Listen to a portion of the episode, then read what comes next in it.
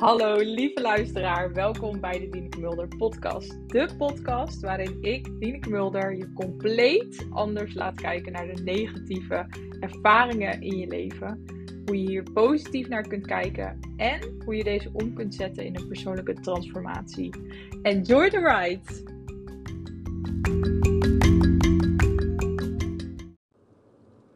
Hallo, welkom bij weer een nieuwe aflevering van mijn podcast. Um, vandaag wil ik het met je gaan hebben over hoe je erachter komt wat het thema was van jouw bevalling. En misschien denk je nu, thema, thema, thema, wat bedoel je daar nou mee? misschien denk je nu aan een soort van Disney thema bijvoorbeeld. Maar dat is niet wat ik bedoel. Um, ik heb dit een beetje, ja, een soort van zelf bedacht, denk ik. Of ik heb het ergens gehoord en ik weet het niet meer. Dat kan natuurlijk ook. Ik denk dat dit iets is wat ik heb bedacht. Maar ik kwam er in het verwerkingsproces van mijn bevalling achter dat um, de dingen die ik als, um, ja, als heftig, traumatisch, negatief, hoe je het wil noemen, heb ervaren, um, dat die allemaal terugkwamen op een bepaald uh, thema. Dus eigenlijk een soort van samenvatting. Al, ik noem het dus zeg maar een soort van algehele samenvatting. Van hoe jij je voelde tijdens je bevalling. En wat je over het algemeen hebt ervaren tijdens je bevalling. En mij heeft dat ontzettend geholpen. Toen ik net was bevallen, ik denk het eerste jaar daarna, zag ik dat nog niet zo. Want toen was ik nog meer bezig met gewoon uit te zoeken van, nou, wat, wat is er eigenlijk gebeurd? En hoe is mijn bevalling verlopen? En waarom? En welke interventies zijn er gedaan? En waarom? En dus ik was wat meer bezig op het rationele niveau. En pas later, toen ik uh, met een psycholoog in gesprek ging, onder andere daardoor, maar ook door, um, ik ben gaan mediteren. Dus ik ben met, met een, um, destijds met een meditatiecursus echt begonnen. Uh, waarbij ik wekelijks samenkwam met een groepje. En um, dit deed ik trouwens via zen.nl. Als je het interessant vindt om het op te zoeken. Ze zitten door heel Nederland. Uh, maar elke week kwamen we dus met een groep mensen samen. En was er een, uh, nou, een zenleraar. Die, waar we samen mee mediteerden. Maar ook um, heel erg bezig waren met ja, het vergroten van je bewustzijn. En um, ja, het, het bespreken uh, van allerlei levensvragen, zou ik het uh, noemen. Theorie eigenlijk tijdens die lessen. En dat heeft, um, ja, heeft bij mij ook heel veel opgehelderd. Dus eigenlijk door een aantal dingen werd mij steeds duidelijker van... Oké, er is echt een soort van overkoepelend thema um, op mijn bevalling. En toen ik daarachter kwam... Um, ja, toen, toen kon ik dingen veel beter in perspectief zien. En kon ik ook zien van oké, het is niet, het is geen toeval, zeg maar, dat mijn bevalling zo is verlopen en dat, ik de, dat mijn ervaring zo was. Omdat toen ik achterkwam wat mijn thema was, ook opeens begon te zien van oké, dit thema, dat is al vaker teruggekomen in mijn leven en dat is al begonnen in mijn jeugd. Nou, ik zal je uitleggen wat mijn uh, thema uiteindelijk bleek te zijn. Um, wat bij mij heel erg terugkwam, is dat er um, um, ja, eigenlijk heel veel beslissingen zijn genomen tijdens mijn bevalling. Um, waarbij ik mij niet in regie zeg maar, voelde. Het voelde alsof ik overal in mee moest gaan. Omdat voor mijn gevoel uh, zorgverleners het beter wisten dan ik zelf. en uh, daarnaast was er voor mijn gevoel vrij weinig echt uh, communicatie met mij tijdens de bevalling. Maar was het vooral heel medisch en heel gericht op um, ja, meer de pathologie, denk ik, van mijn bevalling. En dat het allemaal niet volgens een schema ging. En um, het ging vooral over dat gewoon, ja, eigenlijk heel bot gezegd, mijn baby er gewoon zo snel mogelijk uit moest. Um, en het voelde heel erg alsof alsof er dus over mij werd besloten in plaats van met mij. En um, om dat een beetje nou, kort samen te vatten, wat mijn algehele gevoel was, en dus ook het thema eigenlijk van mijn bevalling, is dat ik me niet uh, gehoord en gezien heb gevoeld. En daarmee bedoel ik van dat ik echt het gevoel dat, er, dat ik niet echt werd gezien. in de zin van dat er ook gewoon, dat ik daar ook lag in dat bed. En dat ik me gewoon ook uh, emotioneel gewoon niet goed voelde op dat moment. Um, en dat ik niet echt gezien werd, zeg maar, als mens uh, door het zorgpersoneel dan. Um, en ook niet, dat er ook niet echt naar mij geluisterd werd naar. Um, ik durfde hem ook niet goed uit te spreken, dat speelde er ook in mee. Maar ik voelde me ook niet echt gehoord. Dat als ik wat vroeg of wat zei, dat daar vervolgens niet, niet echt een soort van uh, gesprek over kwam. Of dat er echt werd geluisterd naar wat ik, um, wat ik wilde of hoe ik me voelde, zeg maar. Dus het, ja, het thema van mijn, van mijn bevalling was echt dat ik me niet gehoord, niet gezien voelde. En toen ik me dat realiseerde, toen begon ik ook heel duidelijk te zien. En dit is een langer proces geweest hoor. Dit is niet van de een op de andere dag dat ik al die inzichten had. Um, maar ik begon stukje bij beetje steeds meer te zien van... Aha, dit thema, me niet gehoord en gezien uh, voelen, komt constant terug in mijn leven. Um, uh, tot, zeg maar, tot die bevalling. En tijdens mijn bevalling kwam het gewoon... Ja, helemaal naar boven, om het zo maar te zeggen. Het is natuurlijk een onwijs kwetsbaar moment. Je bent um, ja, helemaal ja, in, ze noemen het ook wel laborland. Je bent gewoon in een helemaal een andere wereld door de hormonen en door hoe je brein werkt op dat moment. Um, je staat helemaal open, om het zo maar te zeggen. En alles komt gewoon um, tien keer zo hard binnen, omdat je brein natuurlijk uh, ook bezig is met: oké, is dit een veilige situatie? Um, constant, je bent eigenlijk constant aan het scannen van: is dit veilig? Kan ik hier bevallen? Want vroeger uh, trokken we ons terug in een grot en uh, kon er bijvoorbeeld een beer binnenkomen. dus je bent in een heel andere staat van zijn dan dat je gewoon ja, normaal bent in het dagelijks leven. waardoor ook alles wat je ja, eigenlijk tot nu toe in je leven hebt opgebouwd, um, ja, als een soort van pressure cooker tot uiting komt in die bevalling. Je gaat gewoon alles tegenkomen, zeg maar. Al je patronen, alles wat je, wat je ja, tot dan toe eigenlijk in je leven hebt opgebouwd. Je copingstrategieën. Um, ik vind dat heel interessant. Het heeft mij heel veel inzichten gegeven. Um, ja, dus dat is over hoe, ik dat heb ervaren. Hoe ik achter mijn thema ben gekomen. Uh, de tips die ik je kan geven over hoe je achter jouw thema kan komen. Um, waarschijnlijk ben je al aan de slag gegaan met de verwerking van je bevalling. Dus ben je met bijvoorbeeld een therapeut of een coach of een psycholoog gaan praten. Of misschien heb je al iemand in je omgeving waar je heel fijn mee kan praten. Um, ja, iemand die veel, veel doorvraagt bijvoorbeeld. En die um, uh, ja, misschien ook wel uh, daar reflectie op geeft als je dingen vertelt. Dat kan ook heel fijn zijn. En dat is al een hele mooie eerste stap. Door er gewoon over te gaan praten, te gaan vertellen en het te gaan verwerken. En je zal merken dat in dat verwerkingsproces dat je ja, waarschijnlijk heel duidelijk gaat ja, daar zijn we weer. Dat kan soms ook gebeuren, want ik neem een podcast altijd in de auto op en ik werd gebeld door mijn vriend. Hij vertelde dat ergens een flitser stond.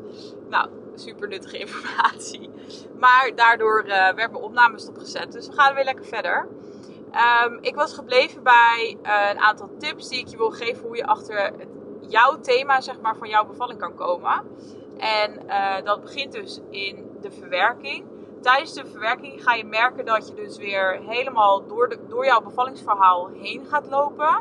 Um, en dat je gaat ervaren wat voor jou de echt moeilijke momenten waren. Dus welke momenten tijdens die bevalling maken nou dat jij jouw bevalling als negatief of uh, traumatisch hebt ervaren. En um, het kan heel goed werken om dat voor jezelf ook op te schrijven.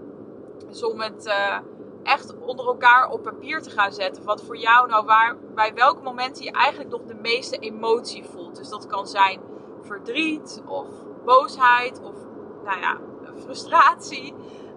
Um, uh, dat, kunnen van, dat kan van alles zijn, maar de momenten waar je de meeste emotie bij voelt, zijn ook meestal dus de momenten waar, uh, ja, waar jij eigenlijk het, ehm, het meest negatief op terugkijkt. Of waar je, waar, je, het lastig van vindt om daaraan aan terug te denken, als het ware.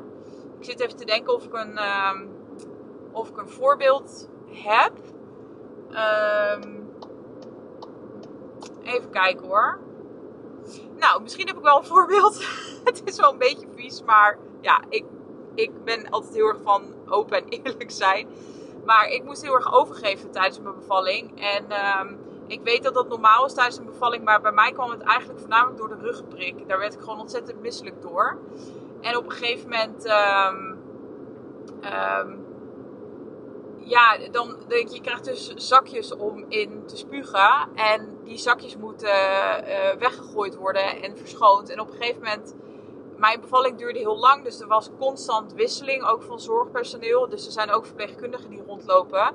En op een gegeven moment was er echt een verpleegkundige die had gewoon zo'n, ja, een beetje nare energie om haar heen hangen. En die was ook een beetje zagrijnig dat ze eh, constant mijn zakjes moest verwisselen.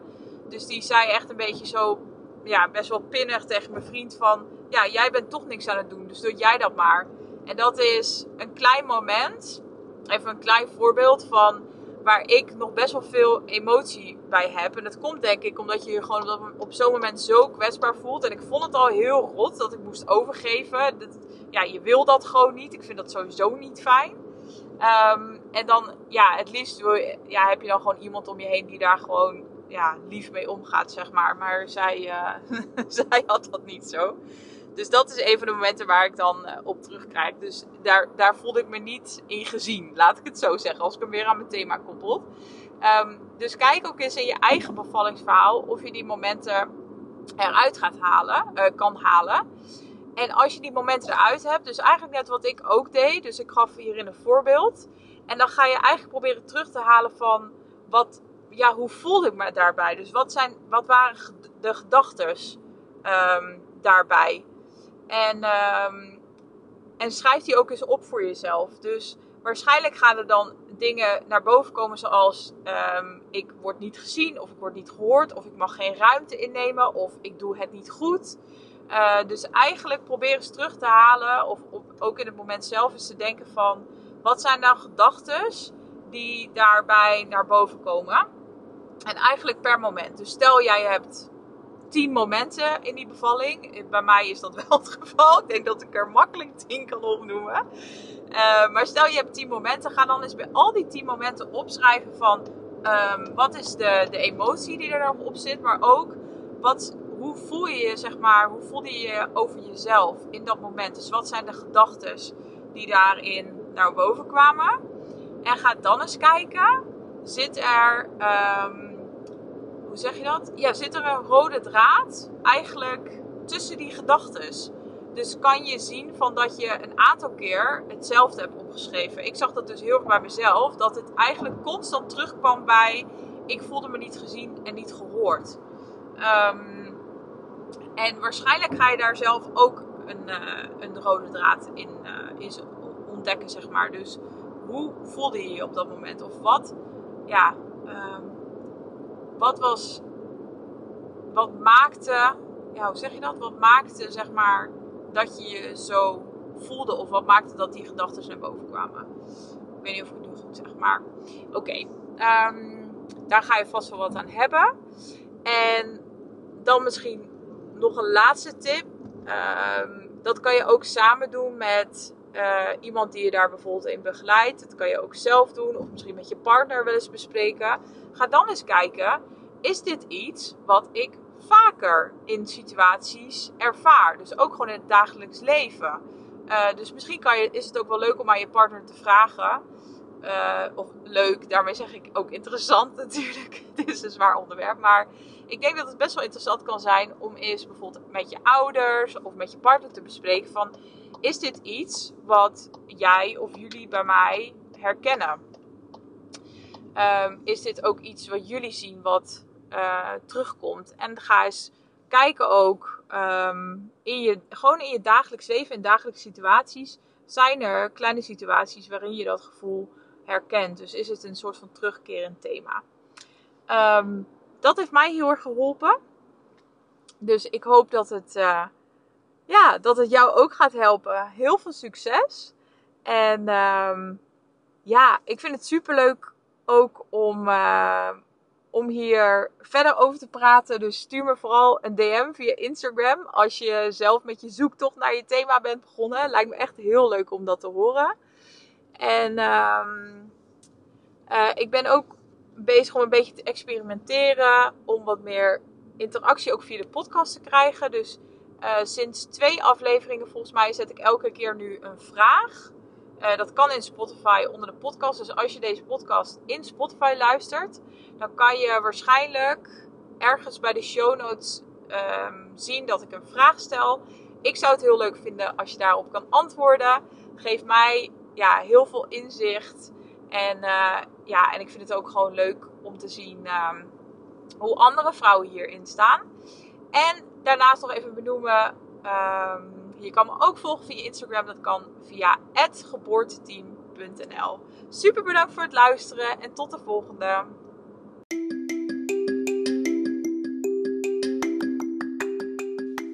Ja, heel erg bedankt weer voor het luisteren. Als je dit een leuke aflevering vond en je vindt het leuk om naar mijn podcast te luisteren, zou je dan alsjeblieft willen abonneren op mijn podcast? Dat kan via Spotify.